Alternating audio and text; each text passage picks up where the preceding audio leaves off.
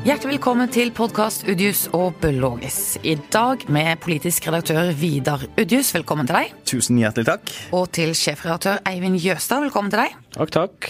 Og til meg selv, Karen Kristine Blågstad, kulturredaktør i Fjellandsvenn. Velkommen til meg, tusen takk. Og Blågestad er nettopp tilbake fra det store utland. Ja, Det er jo ikke så rart at vi er her, for vi er jo her, stort sett. Vi er her, vi her var her forrige gang, og vi er her jevnt og trutt. Eh, Men spesielt velkommen til deg da, Karen. Ja. Ja, tusen takk. Jeg klarte å komme meg hjem denne gangen også, fra det store utland. Ja. Ja. Hva har du vært på? Eller hvor har du vært? Jeg har jo vært på noe som heter Washington-seminaret, som er et eh, seminar i Washington og omkringliggende strøk, hvor en Er del derfor, er det derfor det heter Washington-seminaret? Fordi at det er i Washington? Men du har fulgt eh, valgkampen, rett og slett? Oh. Eller valget? Ja. Jeg har vært der i evigheter, i dag ut og dag inn, og fulgt eh, midterm, mellomvalget i USA, altså hvor man skulle velge nye medlemmer til de to kamrene på Kongressen. Og der har vi vært en del mediefolk og byråkrater og organisasjonsfolk, kommunikatører fra Norge, og møtt det politiske USA, kan man vel si. Høy og lav, eh, rød og blå, og det har vært kjempeinteressant og kjempelærerikt. Hva har gjort mest inntrykk? Det som jo gjør mest inntrykk, er å møte dem du forstår minst. Ikke sant? Logisk. Sånn at vi har f.eks. møtt Anne Stone, ekskonen til Roger Stone, den berømte spinndoktoren til Trump. Hun er, eh, og har vært i mange år, eh, i ledelsen av Women for Trump. Og hun er en eh, sånn blodrepublikaner, skal vi kalle det, med enorm tro på Trump og hans presidentskap. Hvorfor tror ei amerikansk dame på Trumps presidentskap? Fordi de er opptatt av lav skatt. De er enormt opptatt av trygghet. De er enormt opptatt av eh, familiepolitikk, ref. abortspørsmål osv. Men spesielt eh, trygghet har jo vært en stor issue i USA. Jeg så, eh, så et sånt TV-innslag om en sånn gun-dame, som jeg kaller det. Altså en dame som var ekstremt opptatt av våpen. Og likte å skyte, men for trygghet. Og da, Det gjør jo inntrykk, da. Sånn Ja. vel, ung dame. Men det, det, og jeg tror hvis hun måtte kategorisert, så ville det være den viktigste saken. At de beholdt denne mm. retten til å bære våpen. Men Og da skjønner du at USA er litt annerledes enn Norge. I høy grad. Men når du sier at hun, hun da, og de er opptatt av familiepolitikk, og så har du en president som jo eh, er vel den største skjørtjegeren siden mm. Jeg vet ikke, men eh, gjør så noe inntrykk, eller? Ja, ikke så veldig, kan vi vel si. Altså, og så er det jo det også Vi spurte jo henne da eh, litt sånn eh, Hva sier du når, til dine barn som du oppdrar til å ikke skal bli mobbere og til å oppføre seg anstendig og ha en, en fin språkbruk og sånn, når de ser liksom Trump eh, i aksjon på TV og sånn og sånn. Så sier jo hun, som alle andre, eller veldig mange andre republikanere sier, at he has a big mouth. Og ikke bry dere om at han er litt tøff i språkbruken. Det må til. Det har presidenter og politikere vært før. Se på hva han gjør. Så de liksom eh, sorterer det litt sånn, da, og kan på en måte slippe unna med det slik.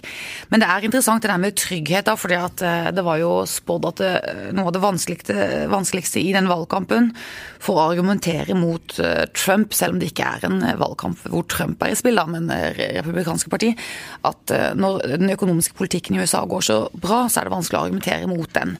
Men det eh, viste seg at det var en mindre viktig sak for folk enn trygghet. Og derfor gira også Trump om sin eh, valgkampstrategi mot slutten av valget til å handle mindre om eh, skattekutt osv. Og, så videre, og den økonomiske politikken, til å handle mer om denne The Caravan, ikke sant? Altså dette toget med flyktninger Som fra jo var kjempelangt unna amerikanske grenser.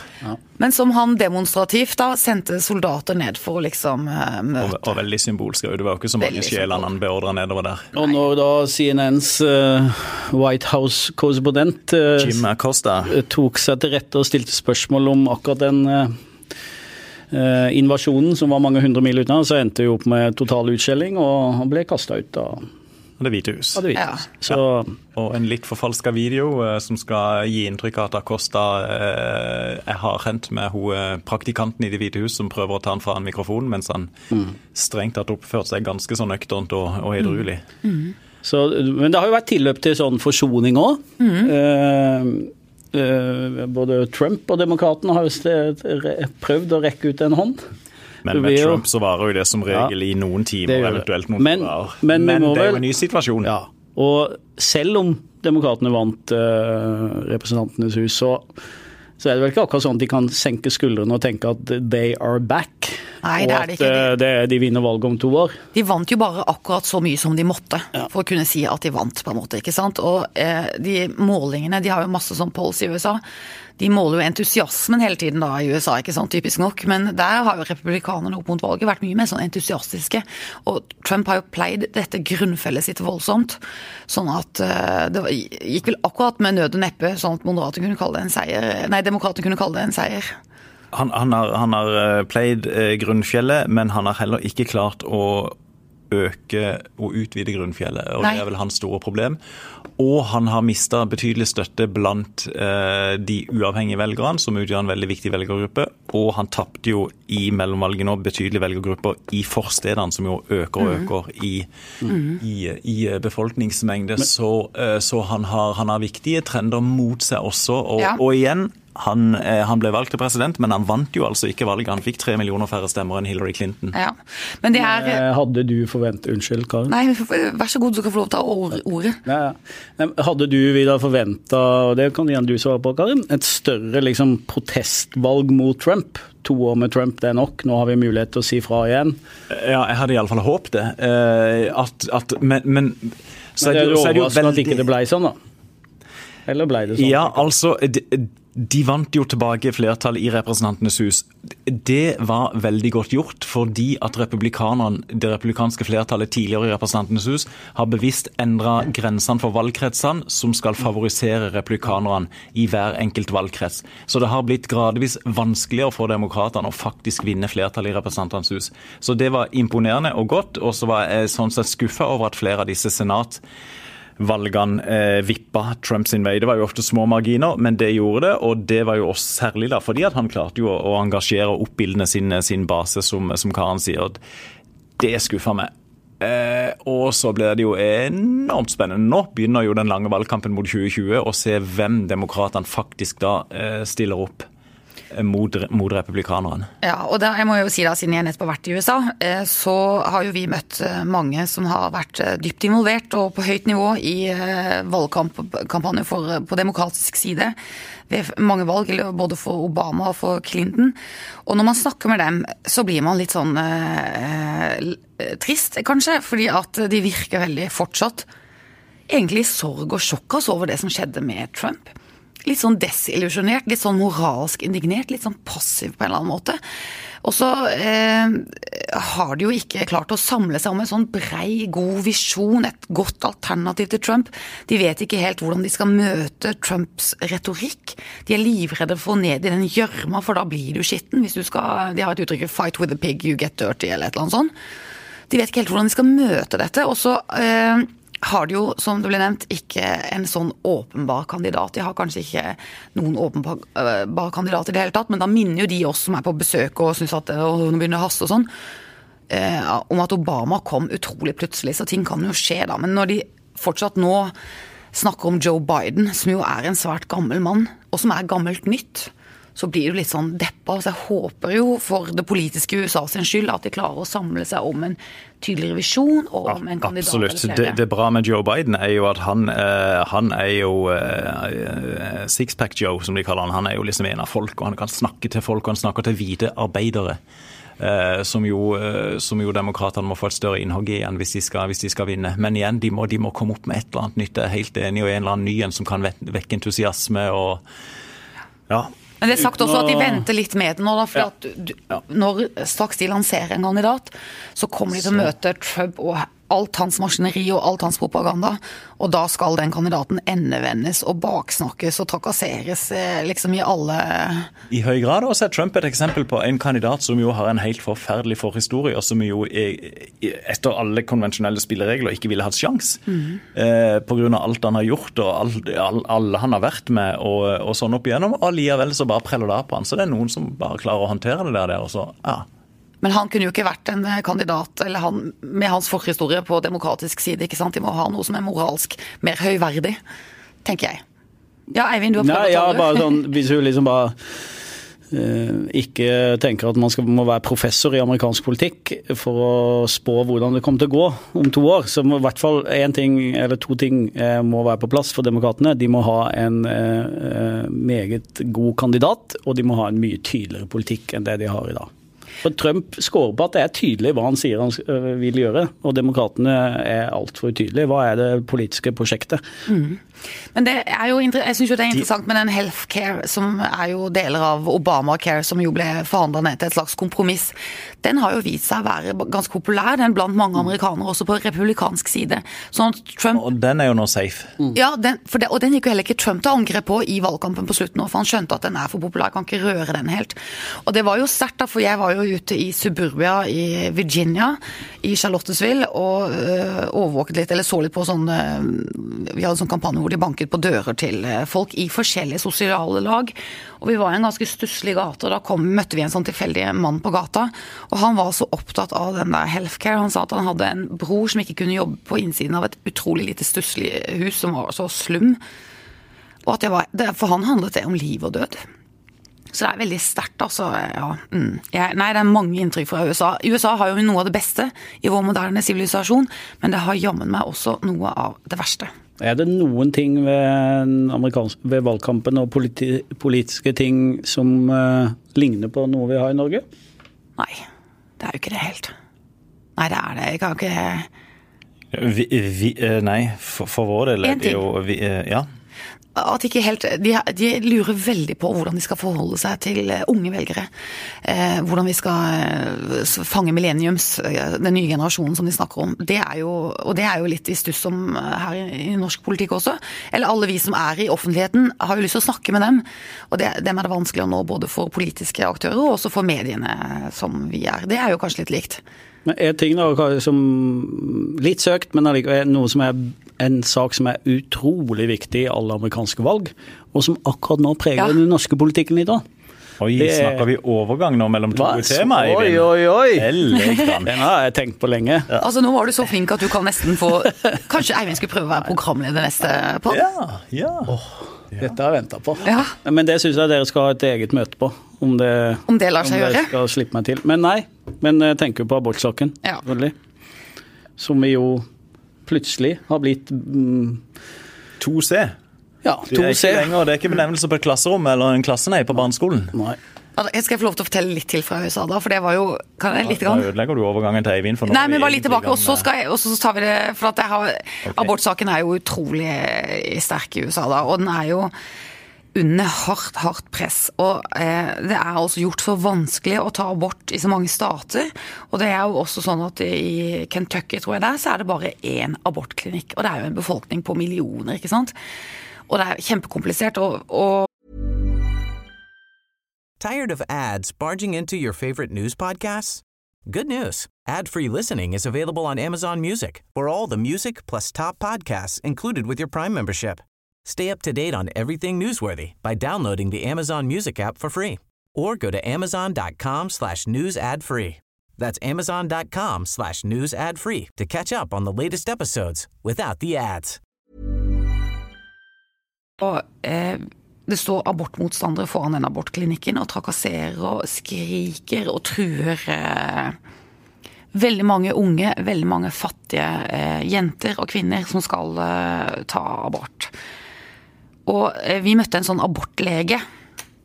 Og hun fortalte jo om det livet til seg og til hennes kolleger. Og det er jo sånn at noen abortleger kan ikke bosette seg fast i et distrikt. De må reise, altså de reiser inn og rykker inn til abortklinikker i andre stater, utfører abort og reiser vekk og har sitt liv et annet sted. For motstanden mot abort er så heftig, og de kan ikke stå i den krigen med familiene sine.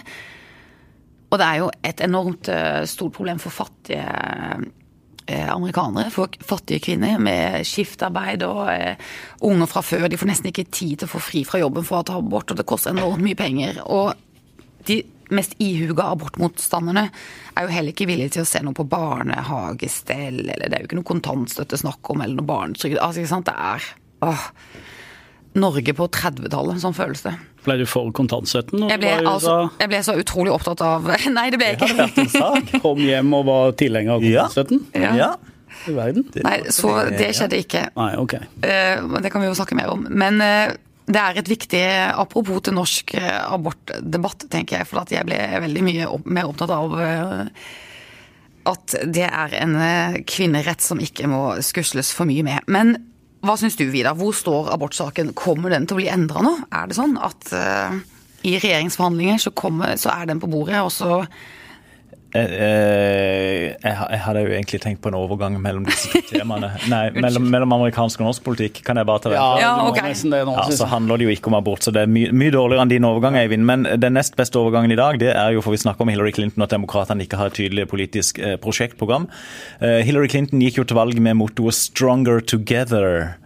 Uh, og i denne boka 'Alle skal ned' om det norske Arbeiderpartiet, som kom for noen få uker siden, så beskrives det også da uh, dette programutkastet til Arbeiderpartiet, som da uh, i trygg forvissning var at Hillary skulle vinne valget i USA, det hadde da den norske oversettelsen 'sterkere sammen'. Eh, og så tapte jo Hillary, og da forandra de det i full fart. For da vil ikke de bli assosiert med nederlag til Hillary Clinton. Så nok om det. Ja, nei, regjeringsforhandlinger det er jo eh, enormt spennende, og abortspørsmålet blir vel kanskje det mest krevende i forhandlingene mellom eh, KrF og Høyre, Frp, Venstre. Uh, og KrF vil jo gjerne ha endringer på abortlovens paragraf 2c, som går på, på abort etter tolvte uke ved, ved um, ved, ved, eh, hvor fosteret er eh, alvorlig sykt, og da også tvillingabort, retten til tvillingabort, som, som vi i dag har. Selv så tror jeg de har mulighet til å få gjennomslag på dette med tvillingabort, men så blir det jo et lurveleven på dette med 2C, etter alt å dømme. og vår egen i hermetegn Åshild Brun Gundersen, som jo er helsepolitisk talsperson i Frp, har jo vært ute og sagt at det kan der altså bare glemme KrF. Siv Jensen mer forsonlig og sier at vi må jo diskutere når vi skal eh, gjennomføre en ny regjeringsplattform. Så det ble, det ble kjempevanskelig. Hva, hva, ja, hva, tenker du Eivind? Hva er, hva er sjansene den ene eller annen vei? Um, jeg synes det, det, Sånn det ser ut nå, så tror jeg ikke det blir at, får, at, KrF vinner gjennom med det kravet.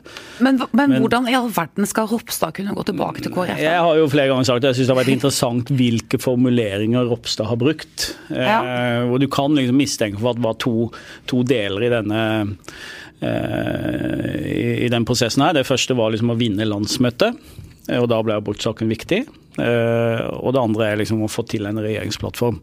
Hvor det, hvor det fortsatt er viktig, men ikke så avgjørende sannsynligvis, tror jeg da. Og han brukte formuleringen 'vi har en historisk mulighet til å få endra uh, abortloven'. Og det kan han jo stå inne for. Ja, det var en mulighet. Og, og, det, er, ja. og, det, og det, vil, han, vil, han, alltid på en måte ha rett i. Og det, jo, det viser jo hva den, det eh, som politiske bildet nå. Og for Ropstads del så er det jo ikke han som har PC akkurat nå. Nå er det jo Erna Solberg som har liksom fått det i fanget og blir angrepet fra alle kanter. Ikke, minst venstresida i norsk politikk. Som ikke, det kan liksom ikke ta KrF på akkurat det. For de har alltid ment det. Så det er jo de andre partiene som på en måte må bevege seg inn i et landskap som vil bli veldig krevende for dem. Ja. Og Høyre og Frp vil, og, og, og, Venstre ikke minst, altså de vil jo virkelig få uh, problemer her. Men hvis Ropstad går i forhandlinger med eh, regjeringen og ikke vinner fram med noen omtolkninger av abortloven slik den står i dag, kan han komme tilbake til KrF og likevel få det med i regjering? Jeg ser ikke bort fra det. Hva tror du, Vidar? Eh, ikke sant, hvis, eh, hvis, eh, han kommer tilbake. Fikk dessverre ikke noe på dette. Men barnetrygda økes fra 12 til 20 000 i løpet av den stortingsperioden. Og vi har aldri eh, Vi har klart å reise bort diskusjonen. Ja, ja, ja. Og det kommer en eller annen sånn formulering knytta til ny teknologi, og ikke sant, at ikke ting er hugd i stein, og at dette må være, dette må være mulig å diskutere. Og bistand har de jo allerede fått økt potten på. Så, ja, men, men, men, jeg tror, eh, men, jeg tror, de får noen formuleringer som kan tolkes som at de har klart å endre abortloven for det. første gang på aldri vent. Og da vil det gå Nå, spesielt på tvillingabort? Ja, ja det, det, tror jeg. Det er jo det som det er mest grunn til å tro. Mm. Og eh, Hvis han kommer tilbake med ingenting, så vil jo hele den eh, venstresiden og Hareide-fløyen få, virkelig få blod på tann. Mm. Hva var det jeg sa? Ja. ja liksom, samtidig som det du sier, Eivind, er jo helt riktig at eh, Kjell Ingolf Ropstad brukte jo nokså konsekvent uttrykket 'historisk mulighet'. Og det, det, tenker jeg, det hadde han dekning for, så kjørte han det som en del av valgkampen. Men det, selvfølgelig gjorde han det, tenker jeg, så lenge Erna Solberg er ute og sier at dette kan vi forhandle om. Absolutt, fair enough. Helt, helt, klart, men, men det de motkreftene som er vekka internt i OK, Høyre vil nok til stille stort sett og gjøre som Erna sier, men, men i Frp og Venstre, som nå sitter nokså stille, men hvor de nok er nokså Eller de er jo eh, veldig klare på hva de egentlig mener. Eh, og hvis dette skal inn i en regjeringsplattform, så blir det jo veldig interessant å se, fordi at en regjeringsplattform må jo alle stortingsrepresentantene i Stortinget stille seg bak. Ja. Hvis han skal ha noe mening. Men du, du har jo sett litt på dette alternative budsjettet til Kristelig Folkeparti som nettopp er lagt fram, Vidar. Og hvor, hvor, står de på en måte Altså hva blir de vanskeligste altså Hvor står de nå? Hva blir de vanskeligste forhandlingspunktene? Hvor er avstanden størst? Prosessen framover er delt i uh, to, og det ene er at nå går det først uh, nå, går det først, eh, nå foregår det unnskyld, først eh, forhandlinger om statsbudsjettet, som de aller fleste tror at det kommer de i havn med. Eh, og så begynner regjeringsforhandlingene formelt sett rett etterpå det, antagelig kanskje i slutten av måneden eller et eller annet sånt.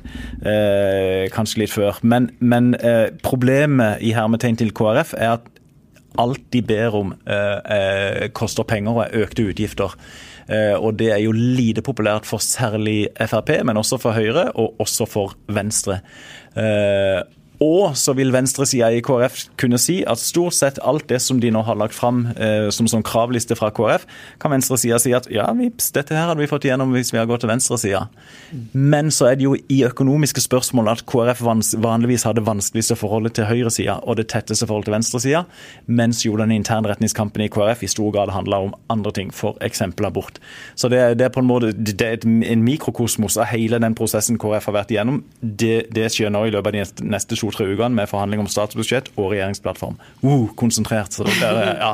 Uh. Og så må du jo nevne at det er jo en utrolig underlig politisk uh, situasjon vi er i nå. Ropstad er fortsatt i vinden. Uh, han er overalt. Uh, men Hareide er fortsatt leder av partiet. Ja, det syns jeg er pussig. Er det mulig? Nei, er ja, det, er jo, mulig? En min teori da er jo at han håper på at forhandlingene skal gå skikkelig dårlige. Og, ja, og da må de snu seg til venstre, og da er det Hareide som tar over igjen. Men hva slags Og jeg har kjempesans for, for Knut Arild Hareide, og, og, eh, men hva slags lederskap er det på en måte også? Ja, jeg har egentlig gått av, men ikke helt, og jeg sitter her så jeg kan ta over hvis det løpet som flertallet nå ønsker å skjære seg, noe jeg kanskje håper. Da vil jeg kunne komme tilbake igjen, men uansett, jeg blir her iallfall. Ja, Tenk deg hvilken som helst annen bedrift, da. Altså, du... Det er plan B. Ja. ja. jeg har gått av, men jeg er fremdeles leder. Er fremdeles sjefen. Du, Hvis det, skjer seg fra den nye lederen, så er, så er jeg for så vidt klar. Men hva, hva, hva, Vær med på dette scenarioet ditt, Vidar. Hvis på en måte Ropstad nå forhandler med regjeringen, og de ikke får gjennom eller ikke får store nok seire i regjeringsforhandlingene, hva skal skje, og de rett og slett ikke helt kan gå og stille seg bak det? Er det helt utenkelig? Altså, det er mulig at du syns det er helt utenkelig. Nei, ikke, hvis, ikke helt utenkelig, men hvis det skjer, men, hva, hva da? Det vil jo være en enorm nedtur for Erna Solberg eh, og Kjell Ingolf Ropstad, og en eh, betydelig opptur for venstresida i eh, KrF. Og så vil jo nok, så vil nok den jevne velger lure på hva, hva, i all verdens navn er dette for noe. Men, men jeg vet ikke, hva, hva tenker du? Nei, og da, det, da, da, tenker jeg det er makt det handler om. Ja. Og dette må vi ikke glemme at det har handla mye om KrF, men det handler i bunn og grunn om hvem som skal styre landet, og hvem som skal være statsminister, og det, det gir du ikke fra deg. Skjønner. Veldig lett, så derfor tror jeg at eh, det blir en løsning, og Erna Solberg kommer til å være statsminister eh, fram til neste valg, med mindre det kommer en eller annen sak som gjør at de må gå. Du, og det er ikke sant. Prikken langt over i-en hadde jo nå vært at statsbudsjettet lykkes, regjeringsforhandlingene lykkes. Oi! Og så kommer den saken om objektsikring mm. opp igjen i kontroll- og konstitusjonskomiteen, hvor, hvor Grøvan spiller sentrale roller, og konkluderer med at dessverre, dette er så alvorlig at vi har ikke tillit til regjeringa. Mm. Ja. Da. Det uh... ja. Ikke langt over i-en. En veldig spennende politisk høst. Oh. Fortsatt er det det. Du, eh, vi har... Prøver du å snakke deg bort fra ja. konklusjonen på et veddemål nå, Karin? Du er bare liksom for, for nye lyttere, vi har hatt et veddemål gjennom hele KrF-prosessen, hvor vi vedder på om flertallet på KrFs landsmøte kommer til å lande på rød side, Karen 10 kroner, eller blå side, Eivind og Vidar 10 kroner hver. Ja, og da må jeg føye til at Eivind snudde underveis. Så nå hadde vi ja, Det hadde håpet Det var en feiging der. Men jeg sto Så fem kroner? La stå fast. Nei, ja, jeg erkjenner at der, der tapte jeg. Men jeg føler at eh, kampen er ikke helt over. Eh, KrF er ikke i regjering, så jeg vil ha et nytt veddemål med høyere innsats. Vi skal vedde 20 kroner på om regjeringsforhandlingene lykkes, og om KrF er med i eh, blå regjering. Du, uh, du kaster uh, hva heter det, dårlige penger etter Ja, du kaster. Svaret for meg er ja. Jeg har råd til å tape 20 kroner. Ja, ja Vidar. Hva hva var spørsmålet igjen? Kommer det til å bli en eh, regjering Kommer KrF? Firepartiregjering? Ja. ja. Karen? Uh, nei, jeg sa det.